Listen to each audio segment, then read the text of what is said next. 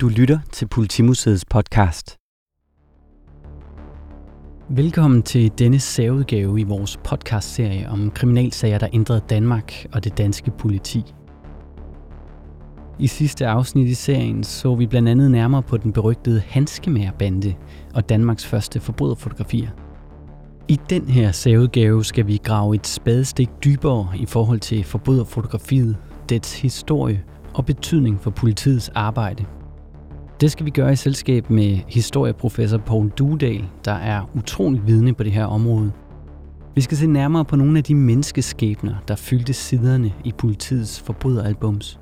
Vi skal blive klogere på tidligere tiders teorier om kranieopmålinger og en helt særlig teori om eksistensen af forbrydermennesker. Hør blandt andet, hvorfor den verdensberømte billedhugger Thorvaldsen laver djævletegn med fingrene på det første portrætfoto, der blev taget i Danmark – og hør også om den senere statsminister og nok så kendte landsfader Torvald Stavnings besøg hos en prostitueret i Aarhus. Den trofaste lytter vil måske genkende enkelte brudstykker fra interviewet. Det skyldes, at interviewet har dannet udgangspunkt for Paul Dudals medvirken i podcastafsnittet om Hanskemærbanden. Men guldkorn tåler af og til gentagelse. Det håber vi, at I vil se igennem fingre med. Mit navn er Anders Brandt Lundær. God fornøjelse.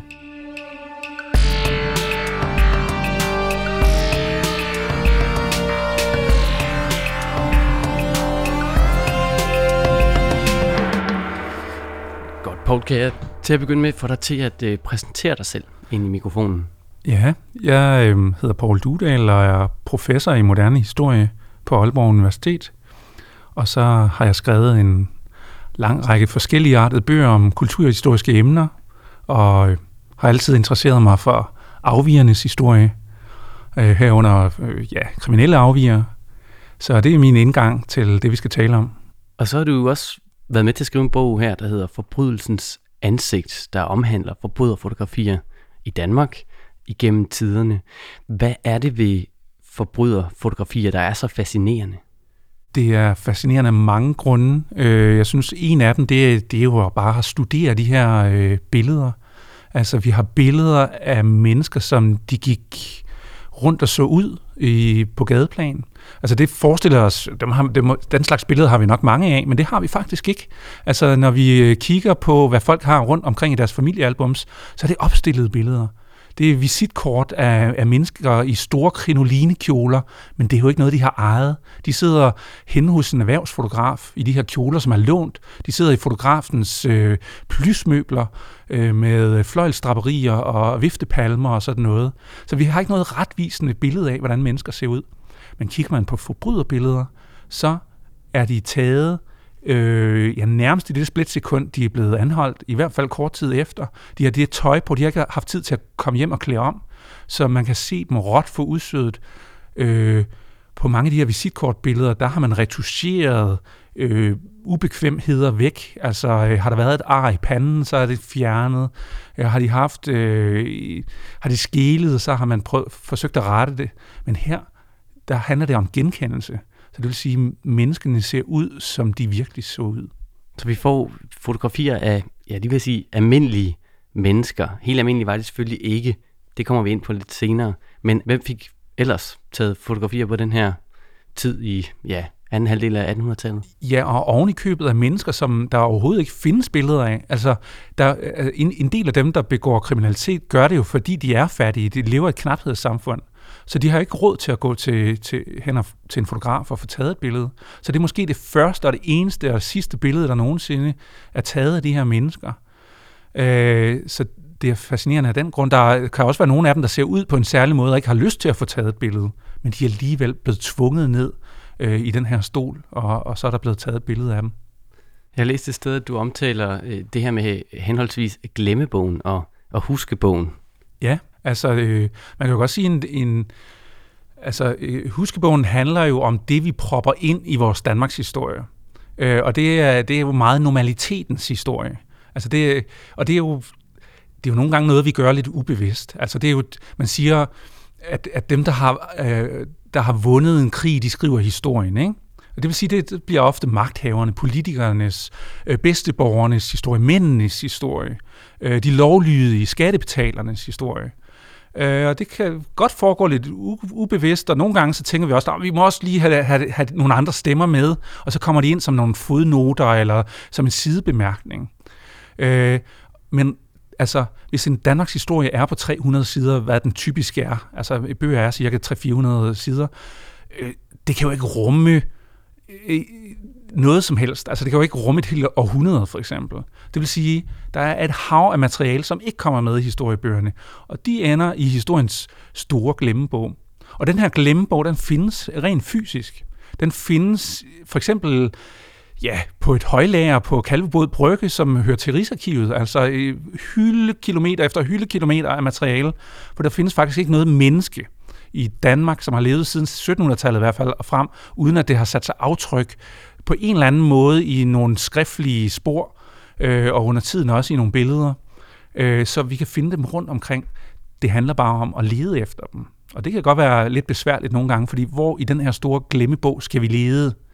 Men, øh, men så kan man jo så kan man jo sætte sig for at kigge på kriminalitetens historie, så, så kan man jo besøge politimuseet, og så er man allerede i gang. Så skal vi lige ind på det her med fotografiet, fordi hvad er det egentlig for en størrelse for sådan nogen som mig, der går der nærmest har haft en øh, mobiltelefon, i hvert fald hele min ungdom, og nærmest også med et kamera i hele tiden, så er det jo svært at blive imponeret over et kamera. Hvornår øh, opdager man egentlig, at man kan fastfryse et øjeblik med, med kameraet? Øh, alting er historisk betinget, og det, at du kan stå med din mobiltelefon i dag, og det her med, øh, det her øh, instrument er blevet så demokratiseret, at vi nærmest tager det for givet og ikke tænker over det. Det kan du takke den franske stat for. For tilbage i juli 1839, der frikøbte de den her nye opfindelse, den havde ganske få år på banen, øh, til offentlig afbenyttelse. Det vil sige, at der var ikke nogen virksomhed, der havde monopol på den, men alle måtte bruge den, som de nu havde lyst til. Så derfor skal du ikke betale noget for at anvende øh, din mobiltelefon til at tage billeder med. Men øh, grunden til, at den franske stat øh, købte det fri, det var, at man kunne jo bruge den til praktiske ting. Altså kunstnere kunne tage et billede, og så kunne de lettere lave et maleri, som var nøjagtigt. Men man kunne også, måske også bruge det, bruge det til noget andet, altså til videnskabelige formål, men også i politi øh, øje med, altså til opklaring af forbrydelser. I starten der lavede man bare nogle forsøg med det, Øh, og det viste sig også at være lidt besværligt, fordi altså, øh, det tog flere minutter, øh, for at man kunne fange en, en, et menneskes fysionomi øh, i, i kameraet. Altså, fordi og det er grunden til, at de allerførste billeder bliver taget, af, bliver taget af bygninger. Altså det kunne tage helt op mod en time i starten, inden man fik fastholdt øh, det her menneske. Men gik man så ud i fuld dagslys og, og, og med nogle mere følsomme øh, øh, plader, jamen så kunne det altså lade sig gøre at komme ned på, på noget, der minder om minutter eller mindre. Og så kunne man lige pludselig bruge den til at fastholde mennesker. Og øh, det finder politimyndighederne i Paris ud af som de første, og fra 1841 der begynder de mere eller mindre regelmæssigt ved nogle særlige forbrydere at tage billeder af dem for at fastholde dem. Øh, og det spreder sig lidt til Belgien, så der har vi nogle af de første, som stadig er bevaret fra 1843-44. Øhm, og det tredje land, i verden, det er Danmark. Og de billeder, som stammer fra 1851, ja, de er lige her på Politimuseet øh, i København. Øh, og kigger man lige på dem sådan ved første øjekast, så kan man næsten ikke rigtig se, hvad de indeholder, fordi det er sådan nogle sølvplader, øh, og man skal nærmest have dem over i en særlig vinkel, så kan man alligevel godt se, at der kommer konturerne frem af noget. Og øh, ja, kigger man så på de scanninger, der er lavet af det, hvis man har noget særligt udstyr, kan man godt få noget ud af dem stadigvæk, så er det jo helt vildt, hvad der er af detaljer i de her billeder. Man kan, hvis man kigger på, på den her bande, bandemedlemmernes øh, hænder, altså så har du de mindste detaljer med. Du kan se præcis, hvordan de har set ud. Og det er altså, vi taler om noget, der er ja, 170 år gammel næsten. Mm, det er fascinerende. Ja. Var det H.C. Andersen, der også sagde han, at det var lidt uhyggeligt opfund. Ja, ja, der var flere af dem, der syntes, at det var øh, et djævligt hit. Altså det første portrætbillede, der bliver taget i, i Danmark i København, det er Bertel Thorvaldsen, der kommer hjem fra Rom, og så skal man tage et billede inde i Charlottenborgs øh, have, og så kan man se, at han står underligt med den ene hånd, han gør djævletegnet jo. Simpelthen. Fordi det er som om... Rock djævletegnet Ja, der. fordi altså, det her, det kan jo ikke passe, at ham, der har øh, brugt år på at lave en statue af en, det kan man øh, indfange i, på splitsekunder. Altså, så må, så må man stå i ledtog med djævlen. Og om ikke andet, øh, så bare lige for en sikkerheds skyld, så kan man lige af, lave den her afværgemanøvre, ikke? Så, øh, så, så, så en sjæl ikke bliver opslugt af kameraet. Du kan ved selvsyn se det her Danmarks første portrætfoto, hvor Thorvaldsen gør djævletegnet til kameraet. Gå ind på politi.dk politimuseet podcast og find den her udgivelse. Den hedder nummer 4, tillæg til forbryderfotografier. Hvordan var det så, at det her fotografi det egentlig var, var brugbart for øh, politimyndighederne? Øh, altså i første omgang var det jo lidt øh, sådan på prøve, kan man sige. Man skulle lige finde ud af, om det kunne bruges. Altså hvad skal man egentlig bruge et billede til? Øh, og det er i Danmark øh, lidt en tilfældighed, kan man godt sige, fordi vi befinder os på Lolland, og det kunne lige så godt være i andre randområder af Danmark. Fordi på det tidspunkt, der, øh, der er der en lang række bander, man kalder dem fattigbander. Øh, og de, øh, de huserer i randområdet af Danmark, og det, det hænger lidt sammen med, at jo tættere du er på magtens centrum, jo mere ordensmagt er der, jo, mere politi, jo større politistyrken. Men ude i randområderne, hvor der måske kun er en enkelt hadesfod, øh, øh, og måske et par betjente, en, øh, nogle sovnefoder og sådan noget, men der har man ikke kunne holde styr med, med alle. Øh, så, og hvis folk sulter, øh, jamen så øh, står der også lige for at begå øh, visse lovovertrædelser, og, og det har der været mere af. Men der var også en tendens til i 1830'erne, 40'erne, at der, der kom sådan nogle større bander rundt omkring. Og, og de brugte at, at, øh, at presse øh, andre til ikke at vidne mod sig. Altså hvis de blev taget af hadesfoden, så benægtede de. Øh, og så blev, var man nødt til at slippe dem ud igen. Øh, også fordi, at der, er ingen, der var ingen vidner på det. Det var der, men de turde ikke, for de blev simpelthen afpresset til det. Øh, så det var sådan en forløber for ja, øh, Hells Angels, altså sådan noget bandekriminalitet. Øh, og så blev det ligesom lovet, at hvis ikke de vidnede, så kunne de fordele i bandens aktiviteter, de kunne være med, øh, når de var på, på indbrudstogter øh, og sådan noget.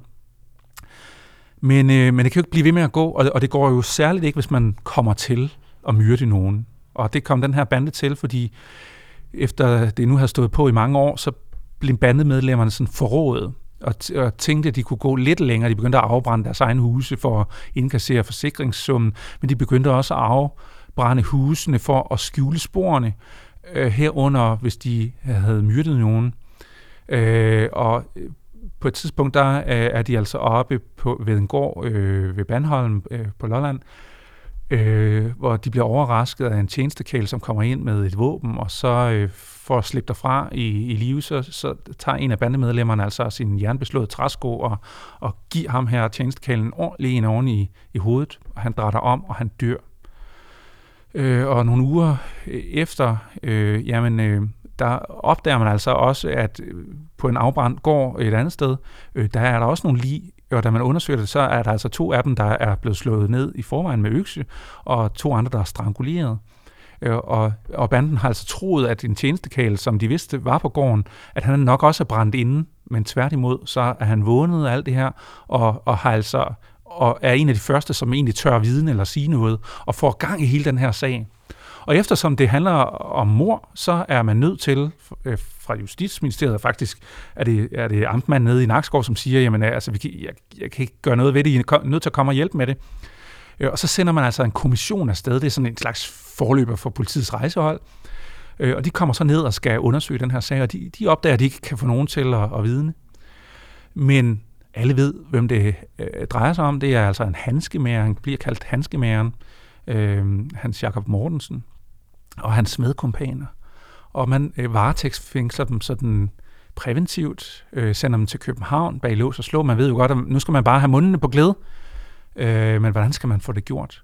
Og så er det, at der sidder en mand derinde i Justitsministeriet, som er med i den her kommission, som har hørt om den her nye opfindelse, og tænker, vi kunne jo tage et billede af dem. Altså, så er det en måde at vise magt på, det er en måde at vise, at nu har vi magten over dem, vi har dem i fængsel, og nu er der ikke nogen, der skal frygte repressalier. Så ved at tage billedet med derned, så kan man vise, er det dem her? Og så kan man jo svare ja eller nej. Øh, og så kan man ligesom vise, at, at, at øh, de skal ikke frygte noget. Og så forløber sagen af, og så bliver der skrevet ja, et hav af bind med forhør, altså, og sagen går sin gang, og ja, øh, dusinvis af mennesker bliver arresteret og bliver en del af, af den her bande, der bliver optrævlet. Og så har øh, billedet vist sin effektivitet, og i, i den kommende tid, jamen der begynder man langsomt enten at tage billeder eller indkassere billeder. Altså hvis der er nogle forbrydere, og de måske selv har fået taget nogle, nogle visitkortfotos, øh, og det er der flere og flere, der får sådan fra 1850'erne frem, øh, fordi hvad skal man med visitkort? Jamen det handler jo om, at hvis du er på visit hos nogen, så giver man øh, de andre sådan et visitkort som et minde om besøget. Så det vil sige, at der findes nogle af dem rundt omkring, øh, og dem kan man indkassere. Så nogle af de første billeder sådan hos Københavns politi, det er altså sådan nogle visitkortsfotos, som folk selv har taget. Det næste, der sker, det er så, at øh, Københavns volde falder. Øh, København bliver en stor by. Altså det vil sige, hvis der ikke står nogen i portåbningerne længere, og folk bare kan rejse ind for landet, og der opstår industrier, øh, og der kommer i tusind tal ind, så er den her lille by, som bare var 100.000 mennesker, den vokser jo eksplosivt. Og det betyder, at betjente rundt omkring på gadeplanen jo lige pludselig ikke ved, hvem der bor i baggårdene overalt. Altså de har ikke hånd i hanke med, hvem der er de sædvanlige mistænkte og sådan noget. Så der er nødt til at ske noget. Og, og det er noget af det, der sætter skub i en reform af Københavns politi. Altså det kan ikke blive ved med at gå. Altså det, det er simpelthen for gammeldags. Og så kommer der sådan i, i starten af 1860'erne en, en, en total reform. Og, og det man blandt andet gør, det er jo at se, hvad gør man i andre lande. Altså hvad, gør man i de store byer, øh, som har været igennem den der udvikling. Og noget af det, man gør, det er at tage fat i fotografiet øh, og indføre øh, ja, forbryderalbums. Og det hedder de. Altså, man kan se, det står jo på forsiden af mange af dem, der står forbryderalbum, så ved man ligesom, hvad der er i. Man laver også øh, et protokol over mistænkelige personer, så man er også interesseret i, i randeksistensen, eller dem, der måske kunne blive forbrydere, og dem, der ikke lever helt op til normaliteten, altså afvigerne i enhver henseende. Så øh, man begynder at registrere meget mere. Man begynder altså at registrere øh, ja, folks fysionomi. Og hvad skal man det for? Ja, det finder man for alvor ud af i 1866, hvor man også reformerer lovgivningen. Altså man laver en ny straffelov. Og det, der er afgørende ved den her straffelov, det er, at man går fra de gammeldags hævnstraffe, hvor det var øje for øje og tand for tand, og myrde med nogen skulle man selv myrdes. Det er danske lov. Lige præcis. Ja. Og det var det, der øh, var grunden til, at man også henrettede, øh, hvad hedder det, handskemærerbanden, eller i hvert fald en del af medlemmerne. Øh, men nu får vi altså en ny lovgivning, hvor det handler mere om egentlig om opdragelse om fængsling, og folk skal øh, sidde og tænke sig. Altså, det er derfor, man taler om et forbedringshus. Meningen er, at man skal forbedres. Og har man så begået lovovertrædelser mange gange, så kan man komme hen i tugthuset, som er mere sådan en opbevaringsanstalt.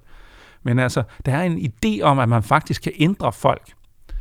Men hvad betyder det? Det, jo, det betyder for eksempel, at lovgivningen bliver sådan, at man får en mild straf første gang, man får en lidt hårdere næste gang, og en endnu hårdere tredje gang, og så videre. Så det er meget afgørende, hvor mange gange man har øh, begået en lovovertrædelse. Og det får en vis betydning for, for forbryderbilledet, fordi øh, man bliver interesseret lige pludselig i det, man kalder recidivister, altså dem, der kommer tilbage på forbrydervejen. Også fordi, hvis folk skal genkende dem, så er det jo godt at... Altså, der er ikke en grund til at tage et billede af en tyv, hvis han aldrig bliver tyv igen. Øh, så, der så hvis der blev taget sådan op i, i 60'erne, 70'erne, cirka 3.000 øh, anholdte, så, så er det måske kun en tiende del, der, der blev, egentlig fik taget et forbryderbillede. Men altså, man får ansat sin egen fotograf, øh, og man får sit eget udstyr hos Københavns politi, og man får uddannet en politibetjent til at tage billederne. Men hvem skal han tage billeder af? Ja, det er altså afgjort af den her nye lov, fordi øh, dem, der vender tilbage på forbrydervejen, det er vigtigt at fastholde dem.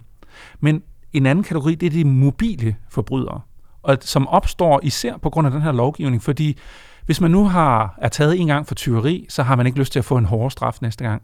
Nej, så kan man jo bare rejse til en anden by og blive førstegangsforbryder igen. Så hedder man, så hedder man Peter Jensen sidste gang og Søren Hansen i den nye by.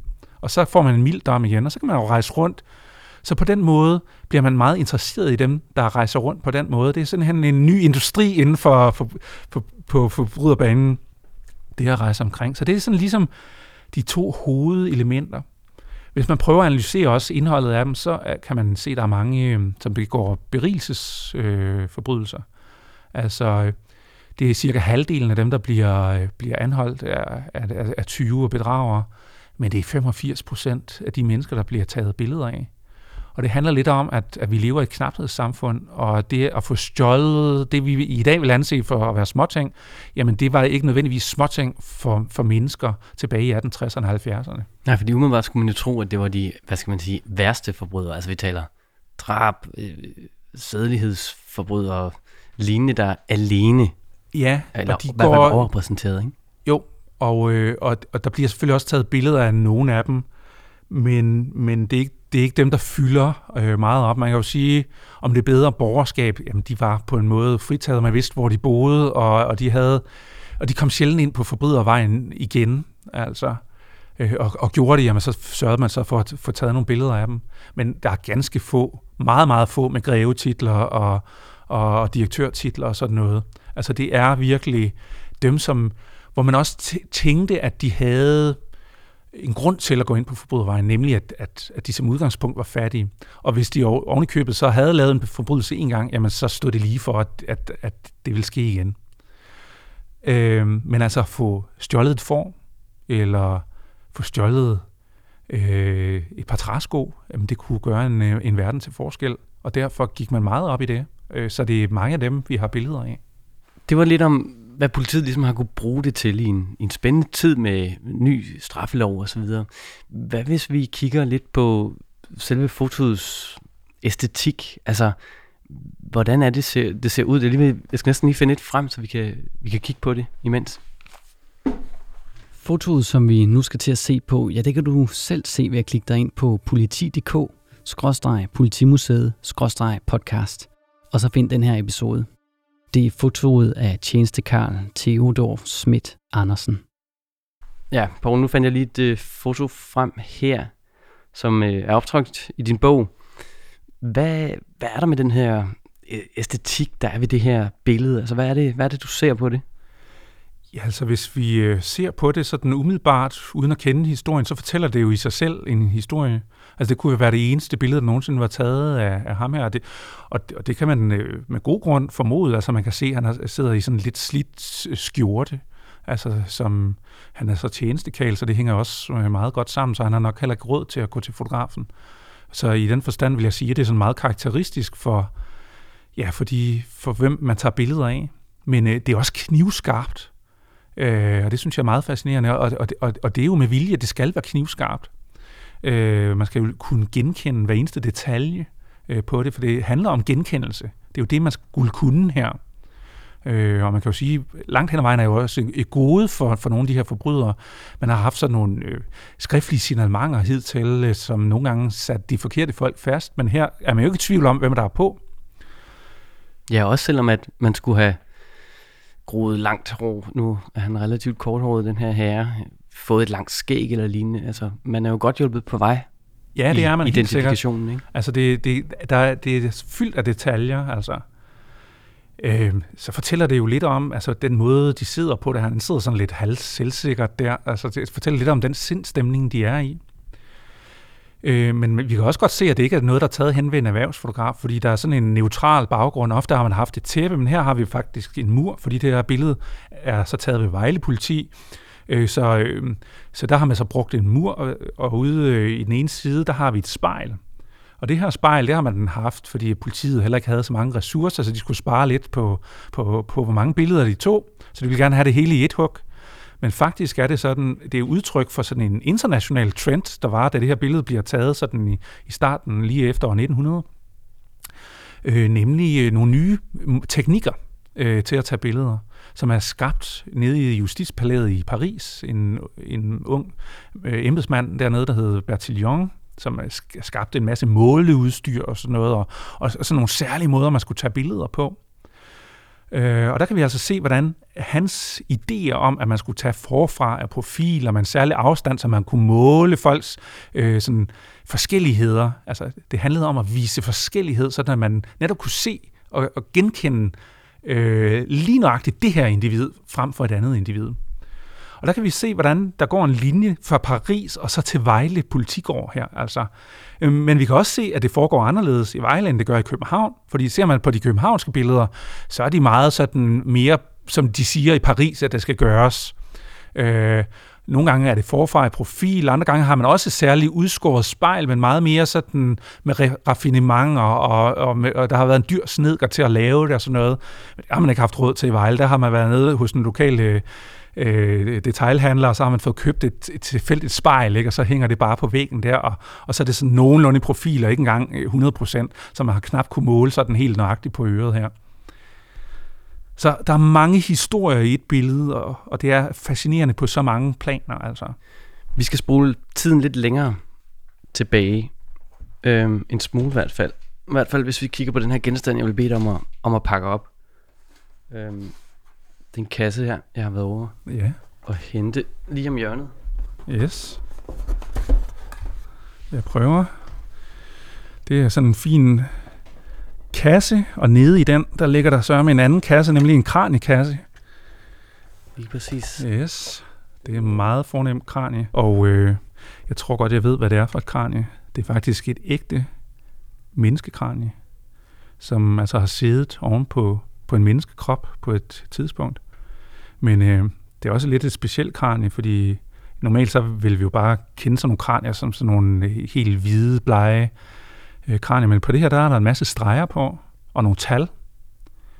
Og øh, som jeg kender sådan et kranie her, så er det det, man kalder et frenologisk kranie. Og frenologien, det, det hænger meget tæt sammen med ja, forbrydelse. Altså i hvert fald er det de mennesker, som går op i, hvad forbrydelse er for en størrelse, er også de samme, som, som dyrker den her frenologi.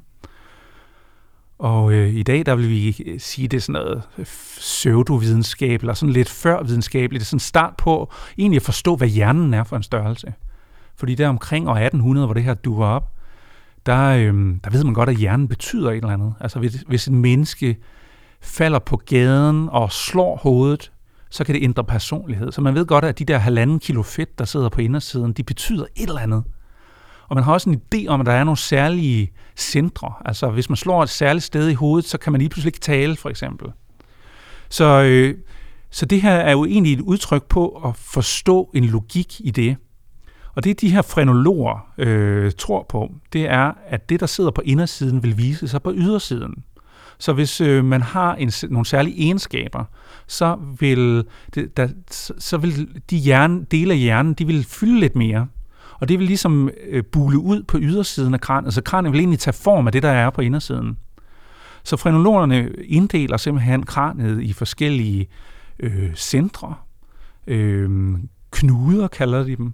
Og frenologerne kan så tage et hvilket som helst menneske, så kan de beføle det i hårbunden, og så kan de sige, hvilke centre eller hvilke knuder man har, og dermed hvilke anlæg man har. Så udseende og indhold øh, hænger sammen. Og øh, det hænger jo også meget nøje sammen med, om man nu har et forbryderorgan, for eksempel, øh, eller et mororgan, er der lige frem nogen, der påstår, at man også har, eller at man har et stort, øh, fint, øh, veludviklet organ for forældrekærlighed, hvilket er et gode, eller at man er meget fornuftigt menneske osv. Så der går simpelthen øh, inflation i at gå ned og købe gipsbyster, det er sådan, at den her læge, som hedder Frans Josef Gall, han tager på sådan en verdensturné, han bliver en verdensstjerne, han kommer også til København, og øh, de fremmeste notabiliteter sidder på forreste række. Altså for en filosofiprofessor er det jo fantastisk at vide, om mennesket er frit, om det frit kan vælge, eller alt er medfødt. Altså det har han jo selvfølgelig interesseret i. Så de sidder der, og folk løber ned og køber gipsbyster og måler deres familiemedlemmer op for at finde ud af, om, om de har forbryderiske anlæg, eller om de har held i lotto. Så, øh, eller lotteriet, som det hed dengang. Så, så, så sådan noget vil man gerne vide. Øh, og øh, en af dem, der går meget op i det, han er læge nede på Christianshavns straffeanstalt, og han elsker frenologi, fordi han har jo alle, alle dem, han, øh, ja, dem, han overhovedet har lyst til at se på, de er jo lige der øh, og under hans øh, magt. Han kan bare låse sig ind i deres celler, og så kan han befølge dem i hovedbunden, og så kan han gøre sig tanker om den her teori. Så he, he, alle cases, alle eksempel materialet, det, det er lige der foran ham. Og Karl Otto, som du nævner der, altså han bliver også bekræftet øh, ved hjælp af de her mange befølinger. Ja, det gør han i allerhøjeste grad. Altså, øh, det er jo i den forstand lidt øh, en pseudovidenskab i og med, at, at der er jo meget subjektivt i det. Altså han, han føler i hvert fald, at der er nogle særlige punkter. Han leder måske også efter dem. Og i det, han skriver, jamen, så er man ikke i tvivl om, at, at forbrydere er øh, fødte forbrydere, og at, øh, og at man kan se det på ydersiden. Og, øh, og, men hvordan skal han få fat i nogle kranier? Han vil jo gerne undersøge, hvad der er på indersiden også. Nu har han befølt dem i hovedbunden, men hvordan kan man ligesom få ja, øh, deres kranier? Jo, der er han øh, vældig smart. For det er jo sådan, at man stadig også med den nye straffelov beholder dødstraffen. Det er en af de få ting, der bliver ved for de gamle hævnstraffe, bibelske hævnstraffe, det er det her med, at har man myrdet en, skal man også selv myrdes. Så øh, staten har nu monopol på at, at myrde, uden at, at, at, øh, øh, at tugtemesteren, altså skarpretteren, kan, kan straffes. Og det betyder, at Karl også kan lave en aftale med skarpretteren. Så hver gang han tager et hoved og hugger det af, så får han lige nogle ekstra penge, så skal han sørge for, at hovedet lige bliver lagt til side. Man begraver kroppen, og så bliver hovedet lagt til side og sendt med pakkepost øh, fra skarpretterstedet og til, ind til straffeanstalten. Og der modtager Carl Otto dem. Indimellem så går det galt. Altså for eksempel nede i Nørreport på et tidspunkt, så, får de, øh, så kommer der en kasse, og der står på ydersiden, at det er til professor Carl Otto, og man må endelig ikke åbne den, og han garanterer for det. Og så bliver de her 12 embedsmænd, de bliver jo rigtig, de tænker, der er et eller andet galt, og så får de netop lyst til at åbne den. Og, øh, og så, så opdager de, at der ligger to øh, hoveder, afhuggede hoveder nede i kassen, og de bliver jo helt ude af den, og får fat i øh, politidirektøren, og han siger, at han kender, han kender Carl Otto nede fra Frimurlogen. Der er ikke noget galt. Han, han har forbindelserne i orden. Det, ja, ja, præcis. Han har papirerne i orden. Han dyrker bare frenologi. Ikke? Det er i, i videnskabens, øh, den højere sags tjeneste. Men altså, det foregår øh, igennem mange år, og han får opbygget den her kraniesamling, så han faktisk får mange af dem. Altså, han får de her hoveder hjem, hjemme i sit køkken, så øh, tager han en stor gryde, og så koger han simpelthen kødet af dem, og det har duftet dejligt der øh, ude i Købmagergade, der hvor han boede, og, og øh, han får flere og flere ind. Men nogle af forbryderne finder også ud af, hvad det er, han har gang i. Og der er for eksempel en, en ung digter, som hedder Petri Worm, som er taget for, for et mor, han har hørt om, om Carl Otto, og han skal i hvert fald ikke have sit øh, hoved øh, ind i en eller anden kraniesamling. Så han laver en aftale med nogle af fængselsbetjentene om, at de skal sørge for at få hovedet med i kisten. Men Carl Otto, han vil jo gerne have en kom- komplet samling. Så øh, da han skal have hovedet sat af ude på, på, øh, på Amager, øh, der foregår der nærmest på skafottet bagefter en kamp om, hvem der må få fat i hovedet, altså. Og det ender med, at de to betjente får det ned i kisten og ud på, på den her såkaldte slavekirkegård, hvor i uge i en hvid jord, altså, altså man kaldte dem slaver, fordi de ligesom var statens gratis arbejdskraft. Og så, så går der en uge, og Petri Worm, han var sådan en ung poet, og kvinder elskede ham, for han skrev digte, og han var jo øh, et, øh, smuk og så videre. Øh, hvad de ikke vidste, var, at han var homoseksuel, og, og, og lå i med alle de medfangerne. Han skulle jo miste hovedet alligevel, han kunne lige så godt have lidt sjovt. Men, øh, men efter en uges tid, så er de færdige med at, at lægge øh, blomster på graven og sådan noget, og pludselig en dag, så er der kisten taget op. Og nogen øh, går rundt der på kirkegården og opdager det. Og, og, og, og kroppen er der, men hovedet mangler. Og der er nogen, der gør sig tanker om i avisen, at det er nok nogle af de unge piger, som vil sørge for, at han kommer i indvidet jord. Men ingen ved, hvem det er, før mange år senere, så skriver Carlotto sine erindringer, og han indrømmer, at han har sørget for, at han har simpelthen fået en fængselsassistent ud og grave livet op, fordi han var nødt til at have det i hovedet. Hvordan kunne en så ung og smuk ung mand være forbryder? Han var nødt til at opklare mysteriet. Alle de her kranier, dem skænkede han øh, på sine ældre dage, testamenterede dem til Københavns Universitet. De indgik i mange år i uddannelsen af kriminologer, altså kriminalantropologer, øh, og senere endte, endte de i kælderen under Panum Instituttet. Men altså, vi har faktisk hovedet for mange af de her henrettede mennesker. Øh, og Karl Otto har altså aftegnet de her frenologiske mærker på en af dem, som han kunne bruge. Øh, og hvem det er, det kan sikkert være en af de danske henrettede forbrydere, der ligger lige her foran os. Det er i hvert fald fra samlingen derovre fra Retsmedicinsk Institut for Retsantropologerne. Omkring det tidspunkt, hvor Carl Otto han dør, der er der også en italiensk læge og professor, der øhm, opererer med en teori, som han ja, kalder den fødte forbryder. Hvad går det ud på? Det er en øh, mand, øh, der hedder Cesare Lombroso. Lombroso er sådan psykiater i første omgang, interesserer sig meget for den menneskelige hjerne, interesserer sig også for ja, afviger i det hele taget, herunder kriminelle afviger. Og han øh, laver en bog i 1874, der hedder Det kriminelle menneske, og som går hen og bliver en klassiker, altså som bliver læst i alle verdensdele, øh, hvor han lancerer øh, teorien om den fødte forbryder. Og som vi har hørt, øh, så har man sådan nogle teorier, der går lidt i den retning, og han er også inspireret af frenologien. Man tænker, den er ikke sådan opdateret. Altså i 1870'erne ved man meget mere om mennesket. Øh, der er også kommet øh, Darwin til, altså det her med udviklingslæren. Så han lancerer egentlig en teori, som bygger lidt op af udviklingslæren, og det han siger, det er, at visse mennesker er trådt et skridt tilbage på den evolutionære rangstige og reproducerer nogle stadier tidligere i udviklingslinjen. Altså, de reproducerer nogle dyriske træk. Det vil sige, at de opfører sig som dyr, øh, de ser også ud som dyr. Så indhold og udseende øh, øh, kan man altså hænger sammen. Så øh, mordere er kendetegnet ved deres store hjørnetænder og vigende pander øh, og blodunderløbende øjne, øh, hvorimod at seksualforbrydere har sådan øh, sidrende øjne og stigende blik og sådan noget. Andre har vareulvemærket, altså sammenvoksede øjenbryn, plumpe ansigtsudtryk osv. Så, så enhver forbrydelse kan man i virkeligheden se ude på de her mennesker. Øh, og det går hen og bliver en enorm succes. Altså det er så meget en succes, at da Bram Stoker skal skrive øh, en roman om den tænderskærende berømthed Dracula, øh, så skal han jo finde ud af, hvordan han ser ud og så nærstuderer han Lombrosos værk for at finde ud af, hvordan ser den, altså den, den virkelige forbryder, hvordan ser han ud. Så hele personkarakteristikken er egentlig bygget op om Lombrosos værk. Og altså sådan nogle klassikere, de bliver jo læst af mange, og det vil sige, de bliver også læst i Danmark. Så der er også folk i Danmark, som bliver inspireret af dem.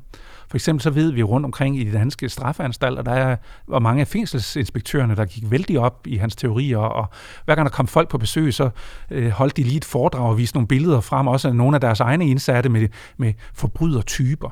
Og vi kan også se her på Politimuseet, faktisk, hvis man vender nogle af forbryderbillederne om, så står der, hvilken type forbryder de er på bagsiden. Altså, øh, typisk vagabond natur. Altså, det her, at det er natur, så er det jo igroet i biologien eller øh, typisk øh, altså forbrydertype kan der stå, eller hvilken type forbrydelse det er, at vedkommende er specialist i. Det er som om, hvis man vælger en vej, så er, det ligesom, så, så er man født til det. Så det får en indvirkning. Ikke helt så græl som i Lombroso, som var ligesom 100% på den der med, at alt er biologi, men, men en vis grad øh, får det indflydelse i Danmark. Man, i mange lande, der begynder man at opdele forbryderbillederne øhm, i albums efter forbrydertype også i en by, altså som Paris for eksempel, der har man omkring 1880, der har man 100.000 billeder. Hvordan skal man overhovedet holde styr på dem? Så det er også en måde sådan at, at skabe en... Man kan bruge den typologi til ligesom at, at dele billederne op. Men altså, man, man, øh, hvis man går rundt i udstillingen på Politimuseet, så, så kan man se, altså, øh, der er sådan nogle plancher med øh, typiske øh, bundefangere, for eksempel. Altså, bundefanger, det er sådan nogen, når folk kommer ind med firetoget fra Bøgelandet og søger lykken i København, øh, de har været landarbejdere og skal nu ind i industrien, så, bliver, så står der straks nogen henne på banegården og tager imod dem og siger, nu skal jeg nok vise dig byen. Og så bliver de totalt udplyndret der undervejs, ikke? og skal betale ekstra for drikkevarerne, og, og de skal også lige give lidt for guidehjælpen og sådan noget. Ikke? Så det er bundefanger, og de ser ud på en særlig måde, og, og, og så har man sådan en planche for det, og, og sådan er det typiske morder og andet. Nogle af de her plancher har man haft med til internationale udstillinger, hvor man har bekræftet hinanden i, at forbrydertyper findes. Ja, det er jo helt, det er jo helt øh, morsomt øh, at høre. Altså, så man har simpelthen haft de her øh, arketyper på forbrydere øh, hængende på ja, hovedstationen øh, inde i det centrale København, så man lige har kunne studere, og så ellers gå ud og gå sin øh, patruljerunde rundt i byen og holde ekstra godt øje med særlige typer, også prostituerede osv. Ja, altså det er klart, man... Øh altså, man har gået meget ud for udseende. Altså, det ligger jo dels i, i, hvad skal man sige, i forbryderbilledet i sig selv, at man skal holde øje med, øh, hvordan mennesker ser ud. Men der, øh, men det, der er faktisk en, en pudsig dobbelthed i det.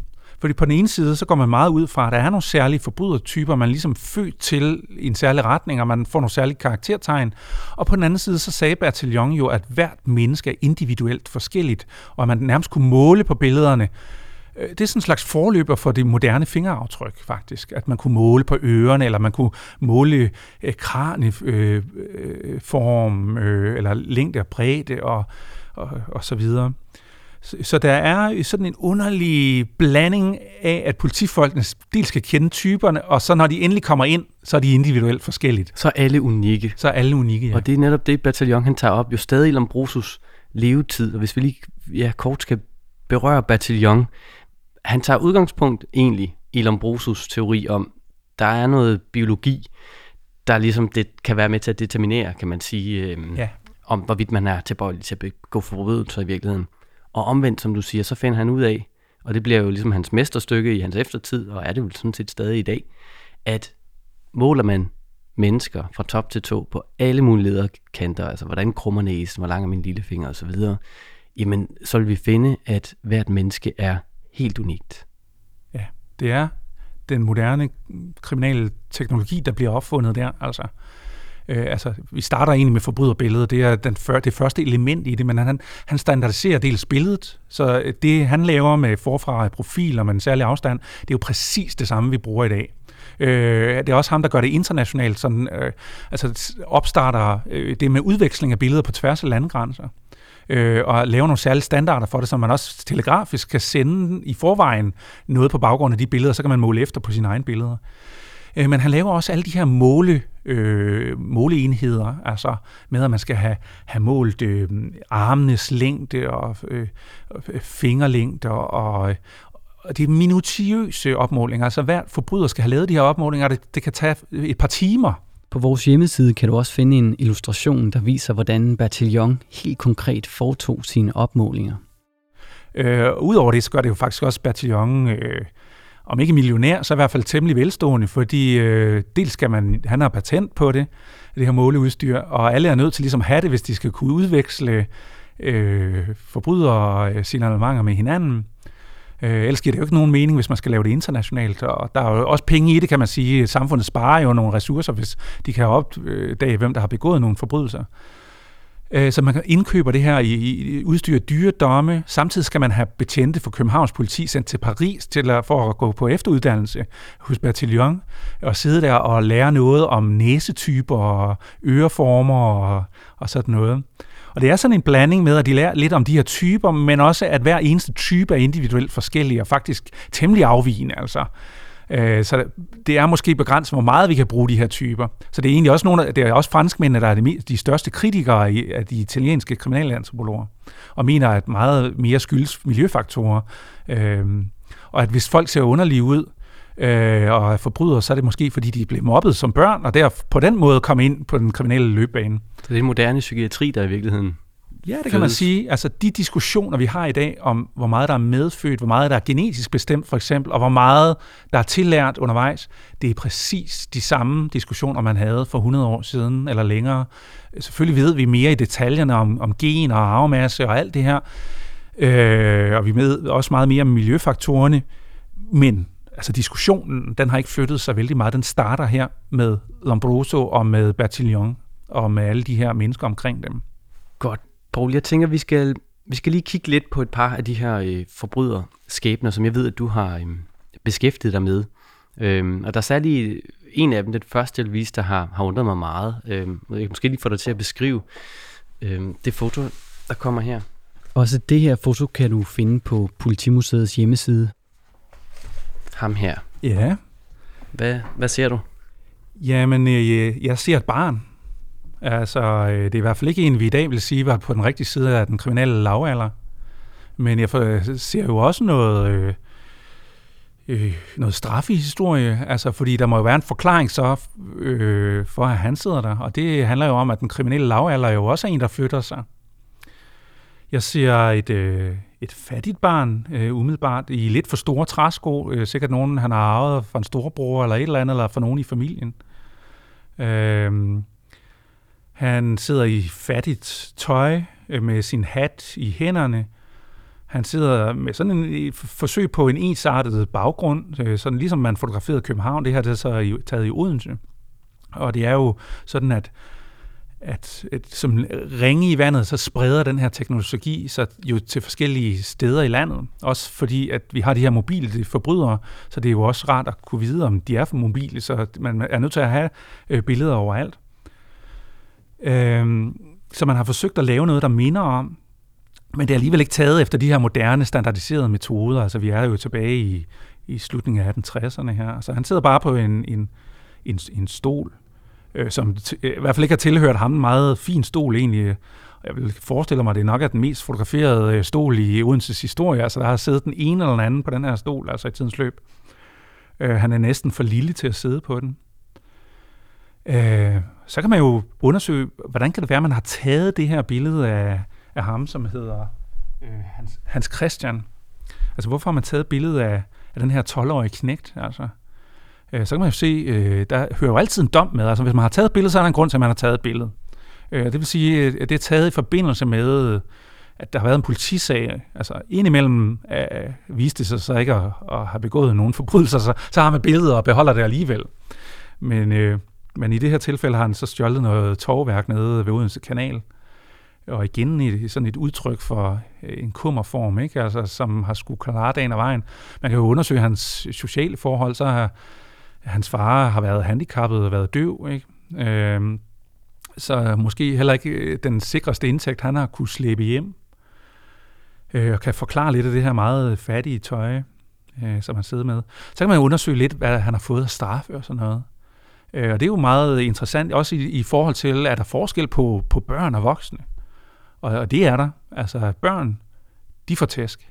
Altså det er opdragelse i 1800-tallet lige med fysisk optugtelse. Man skal forbinde det, at man gør noget forkert, med at det gør ondt. Øh, sådan at hvis man er lige ved at, lave en lovovertrædelse en anden gang, så tænker man lige på de slag, man fik sidst, og så, så, så lader man være. Altså det er, det er logikken. Øh, der bliver slået over alt. Øh, herremænd slår deres husmænd. Øh,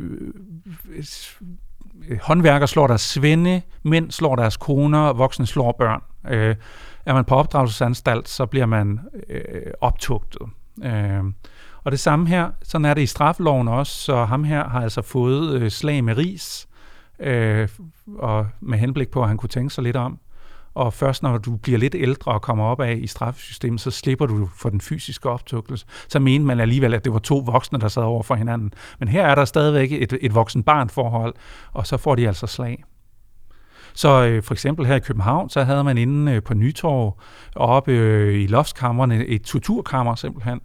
Øh, og så var der en bænk der, hvor man kunne blive spændt fast, og så, så skulle man altså blotte sin ryg inden, og så, så bliver man spændt fast, og så kommer der en øh, hertebred overbetjent ind, og så kigger han der rundt i støvet og, og finder nogle ris, som passer, øh, og så får man altså det antal, øh, som man nu skulle have.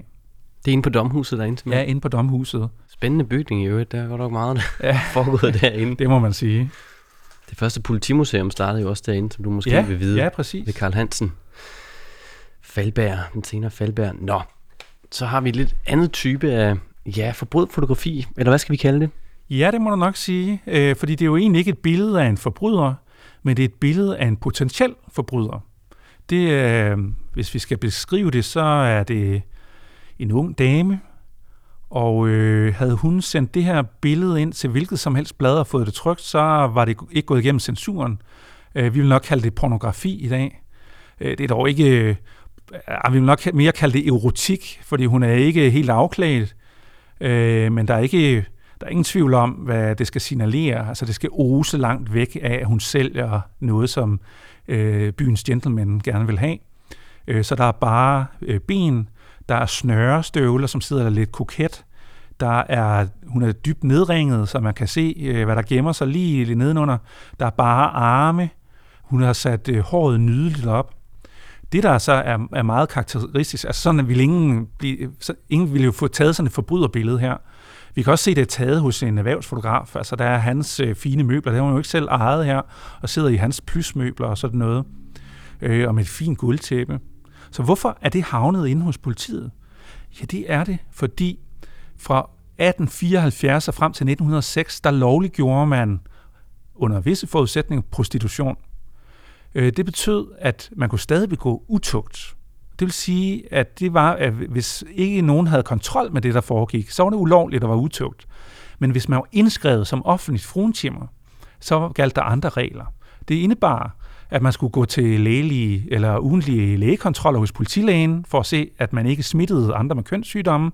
Og, og det er en af grunden, eller i hvert fald en af argumenterne for, at man lovliggør det, det er netop, at så har man en mulighed for at kontrollere de her ting, så vi ikke får sådan en uhemmet spredning af kønssygdomme.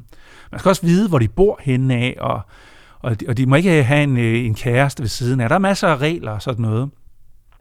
Men hvis nu vedkommende lige pludselig ikke møder op hos politilægen, eller kommer til at smitte en eller anden, eller måske snyder en kunde, og det sker ofte, at, øh, at kunden bliver spærret inden, indtil de har betalt noget ekstra for drikkevarerne eller et eller andet.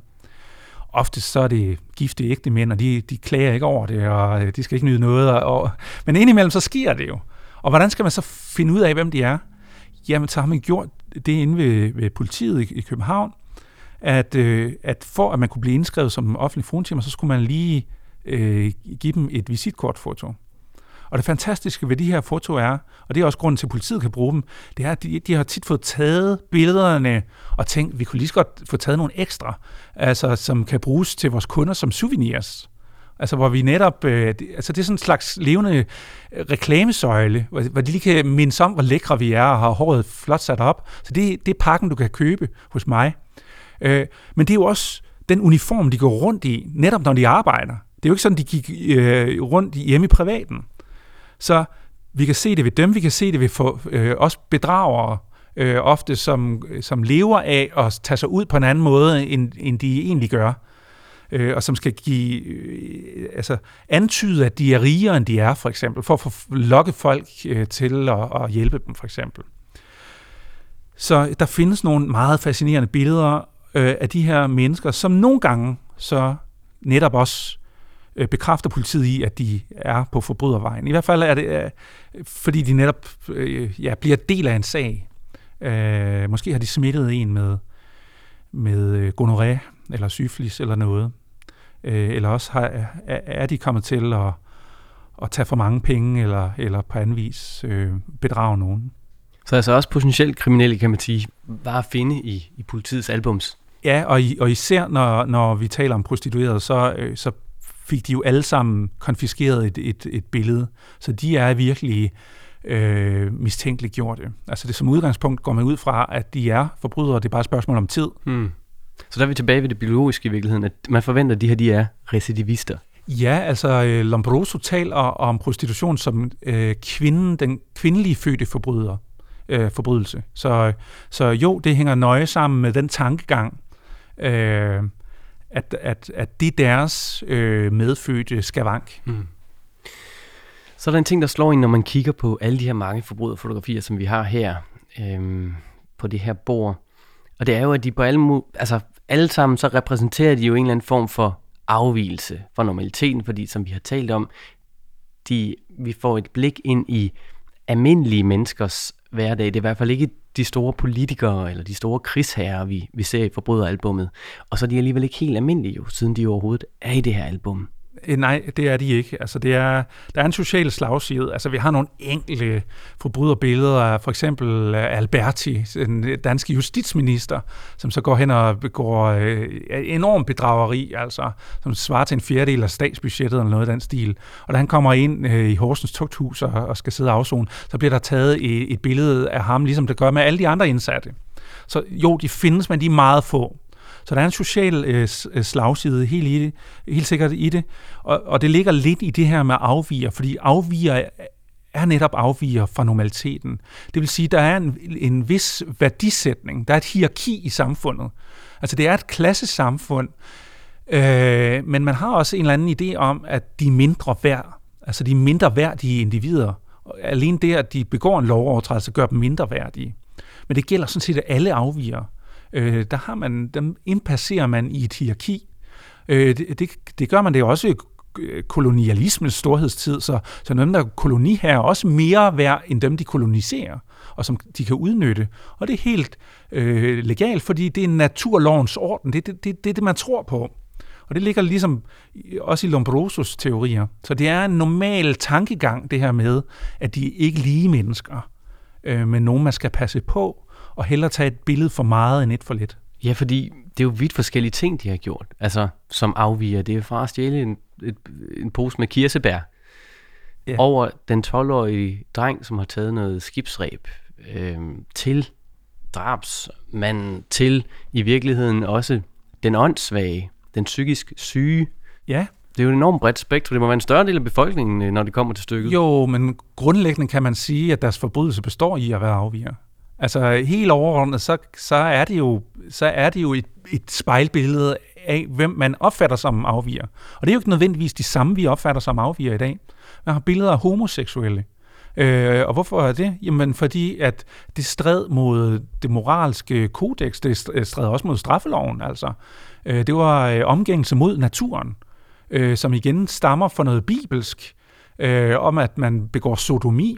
Sodomi, det er sådan, øh, det er sådan en underlig sammenblanding af homoseksualitet og, og, og, og dyreseks, Altså. Øh, og helt op til 1866, der straffede man dem faktisk, eller idømte dem bål og brand. Øh, det kan godt være, at man i sidste ende øh, ikke øh, gav dem bål og brand og, og omvekslede den til en hård fængselsstraf i stedet for. Men altså, øh, men det handlede om, at, at de skulle afskrækkes, men det siger også lidt om, hvor alvorligt man så på sådan en forbrydelse. Det skulle simpelthen brændes på bålet. Det er det, der ligger ja. i bål og brand. Altså, vi forbinder det jo med noget, der foregik i 1600-tallet på nogle hekse, ikke? Mm. Øh, men, øh, og det hører jeg jo hvert eneste år til Sankt Hans, at det er sådan, det forholder sig med det sidste menneske, der faktisk blev brændt i Danmark. Øh, var nede på Lolland i, ja faktisk for 200 år siden i 1819. Derefter bliver man ved med at idømme øh, for bål og brand, men øh, man får det altid omvekslet. Og da man når op øh, til 1866, så kan man ikke gøre det ifølge den danske straffelov, og alligevel foregår det. Fordi det er sådan i Dansk Vestindien, der beholder man den gamle danske lov. Så selv i tiden derefter, kan man i Dansk Vestindien idømme homoseksuelle for eksempel, øh, idømme dem bål og brand. Problemet er, at de klager jo så og vil have den taget op i en højere instans, men der findes ingen højesteret i Dansk Vestindien. Så er man nødt til at fragte dem med dammskib til København, og så er dommerne øh, lige pludselig nødt til øh, at tage den gamle dommebog fra 1600-tallet frem og kigge på straffene der. Så sidste gang man i centrum, i hjertet af København, idømmer et menneske bål og brand, det er i 1902. En mand på Dansk Vestindien, der havde, har ligget i med den lokale pastors æsel.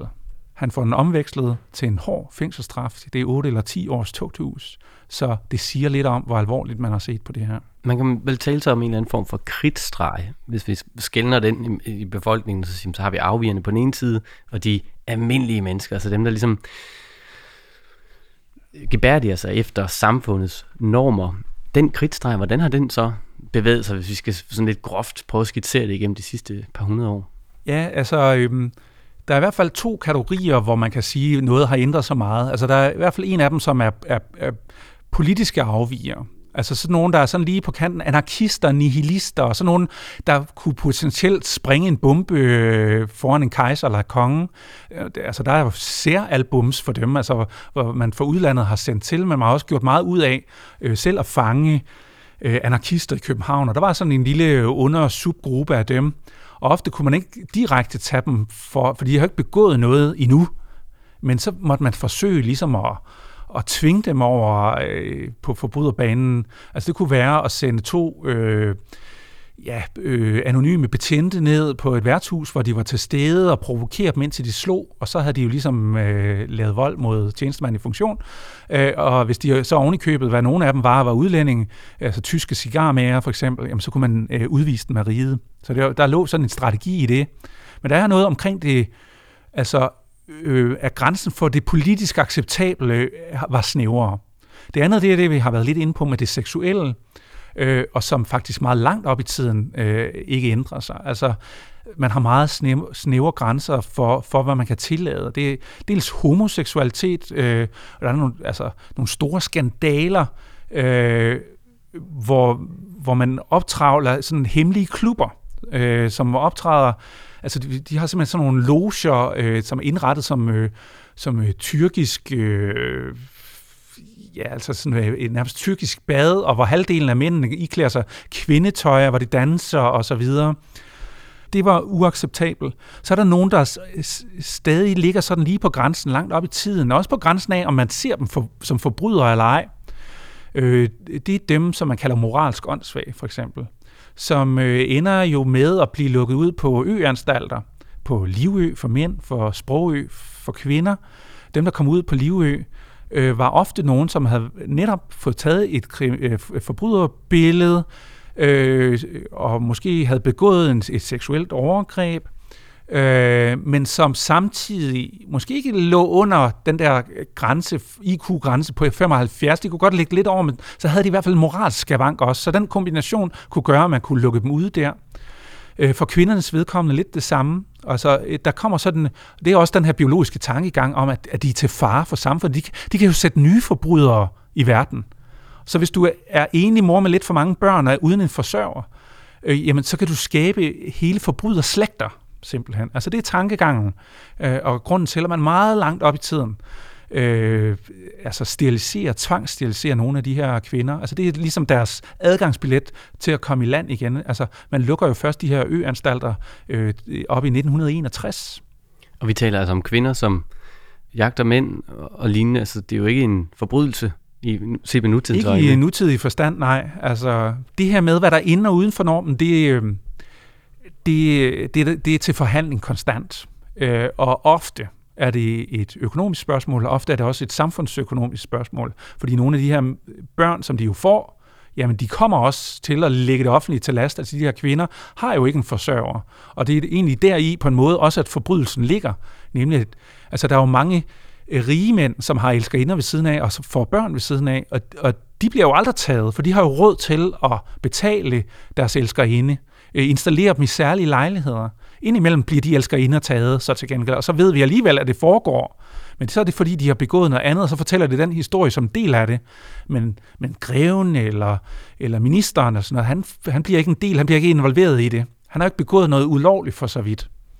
Så men du skriver også i din bog, at, hvilket overraskede mig meget, altså, at Stavning øh, har øh, bevisligt involveret i en sag, altså hvor han jo simpelthen har, været ved en, øh, en prostitueret, der ikke var indskrevet som øh, offentlig frontimer der i starten af, af 1900-tallet.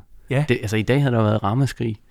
Ja, øh, det der er, er særligt, vi er i året 1903 i maj måned, øh, vi er i Aarhus, og hvor det er, man godt lovligt kan blive indskrevet som offentlig fruentimer i København, så kan man ikke det i Aarhus, der, man, øh, der bedriver man utugt, så det er sådan set en forbrydelse. Og det er kvinden, der begår forbrydelsen, så det er hende, politiet er, er på jagt efter, det er ikke kunden. Hun kunne jo bare lade være med at lokke, er øh, logikken bag, ikke? Og øh, der i maj måned 1903, der står der netop en betjent i, på Sandgravvej i Aarhus og kigger op mod et, et hus, som er berygtet i Aarhus for at, ligesom at være et, et af, af de modeller, som øh, drives uanset hvad. Øh, men i perioder så foregår der ikke der noget dernede, fordi dem, der er inde i huset, de, øh, de har måske en kæreste, en forsørger i en periode, og så lige pludselig så øh, rygtes det i gaden, at nu er der gang i den igen. Så der står altså en betjent dernede og holder øje, og det han skal holde øje med, det er jo, om folk går ind og ud af huset. Og det er jo sådan set ikke forbudt at få besøg af mennesker, altså de har jo familie og sådan noget, det kunne jo bare være et familiemedlem, og så, så, han skal, så den her betjent skal egentlig sandsynliggøre, at der foregår noget. Og hvordan kan man sandsynliggøre? Ja, det kan man ved at, at stå og, og, og tage tid. Altså, hvor lang tid kan et samleje tage, sådan cirka, så kan man sandsynliggøre, så kan man udspørge kunden, når han kommer ud. Altså, han kan vidne mod ham eller hende, der er deroppe. Og det er præcis, hvad der foregår. Øh, en, tidligt på morgenen, før solen er stået op, så kommer der altså to gentlemen gående ned ad gaden. De svinger ind i det her hus, går op. Øh, efter få minutter, der kommer en ene ud igen og går. Øh, så tænker han, ah, så hurtigt, nogle mænd er hurtige, men så hurtigt var det, er han i hvert fald ikke. Øh, men den anden bliver derop, og så venter betjenten, som han nu skal. Der går en halv time, og en halv time, og en halv time mere. Efter halvanden time, så kommer den anden ned. Øh, og så kan han godt tænke, hvad der er foregået, og så går han jo over og lægger hånden på hans skulder og siger, vil de være venlige at følge med på politistationen? Og så kommer de derhen, og manden siger så, øh, han bliver jo bedt om at vidne øh, mod hende deroppe, og han siger også, jamen det, det er ganske rigtigt, øh, jeg har betalt øh, en krone og nogle øre for et samleje øh, med Anne Johanne øh, Pedersen deroppe, og øh, Øh, mit navn er redaktør Torvald Stavning. Øh, han er redaktør for øh, Fagforeningsbladet, og øh, han er, øh, stillet op øh, nede i Faxekredsen. Han øh, vil gerne ind i Folketinget og, øh, og, og er egentlig de fattiges forsvar. Nu har han selv taget del i det her. Øh, hans store held, vil jeg sige, er dels, at kunder ikke er kriminaliseret. Øh, grunden til, at han er i Aarhus, skal vi lige sige, det er, at der er den 10. Socialdemokratiske partikongres.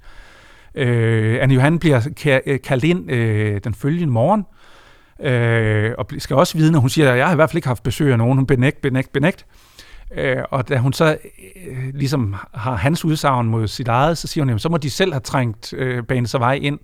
Og så indrømmer de også, at... Øh, at de har haft en særlig partinøgle. Altså, det er åbenbart det er en af grunden til, at man holder øh, de her ting i provinsen, det er, at så har man let adgang til, at man er hjemme fra fruen og sådan noget. Ikke? Og det er også kun mænd, der er stadig. Øh, han siger i øvrigt også, Stavning, at den anden, der var med inde i huset, det var øh, Martin Olsen. I dag er Martin Olsen ikke så kendt, men det var han på det tidspunkt. Han var folketingsmedlem. Øh, han var medlem af Københavns Borgerrepræsentation og øh, var en stor øh, personlighed. Øh, faktisk den dag, hvor de bliver afhørt, og Stavning ikke kan møde op til partikongressen, der kan man læse i Socialdemokraten, at Martin Olsen bliver hyldet for sin store øh, selvbeherskelse og uenødighed. Og det må man jo give ham ret i. Han, han sagde, der var kun Anne Johanne derop. Unge Stavning, de får hende, jeg går. Øh, og så øh, kunne han så tage sagen i egen hånd, og Stavning kunne så få øh, kvinden heroppe. Så det der, hvad der foregår, straffen for Anne Johanne, ja, det er, jeg tror, det er 9. gang, eller noget af den stil, hun bliver øh, dømt, og det vil sige, øh, så det, skal hun jo have en ordentlig straf, der kan mærkes. Så hun sender, bliver simpelthen sendt 90 dage i tvangsarbejdsanstalt. Stavning, han tager ned i Faxekredsen og stiller op til Folketinget. Det lykkedes ham ikke lige at blive øh, hvad hedder det, øh, valgt ind dengang. Det bliver han tre år senere, og han går hen og bliver Danmarks landsfader. Uh, the rest is history. Uh, men havde det været, var det kommet frem i medierne? Nej, det var det ikke. Uh, det gjorde man ikke på det tidspunkt. Alle mænd gjorde det her. Uh, men det siger også lidt om magtforhold, og at man holder, også politiet holder hånden over visse mennesker. Øh, det gør man bare. Og at det er kvinden her, som egentlig har sociale problemer, øh, har økonomiske problemer, det er hende, der begår forbrydelsen. Du har lyttet til en særudgave af Politimuseets podcast. En stor tak skal lyde til Paul Dudal for at medvirke i den her podcast, samt i Politimuseets seneste særudstilling om forbryderfotografier. Udstillingen hedder Mistænkelige personer, fotos fra underverdenen. Du kan selv blive klogere på dansk politi og kriminalhistorie ved at besøge Politimuseet. Det kan du gøre digitalt ved at besøge vores hjemmeside samt vores Facebook- og Instagram-profiler. Fysisk har vi til huse på Fælledvej i København. Mit navn er Anders Brandt Lundær. Jeg har tilrettelagt podcasten, lavet musik, jingle og lyddesign. I den forbindelse skal lyden tak til Christian Vorsø, der har mastereret jinglen. Du kan finde flere udgivelser i din foretrukne podcast-app, og du er selvfølgelig mere end velkommen til at abonnere på kanalen og give en anmeldelse, hvis du har lyst. Tak fordi du lyttede med, og på genhør.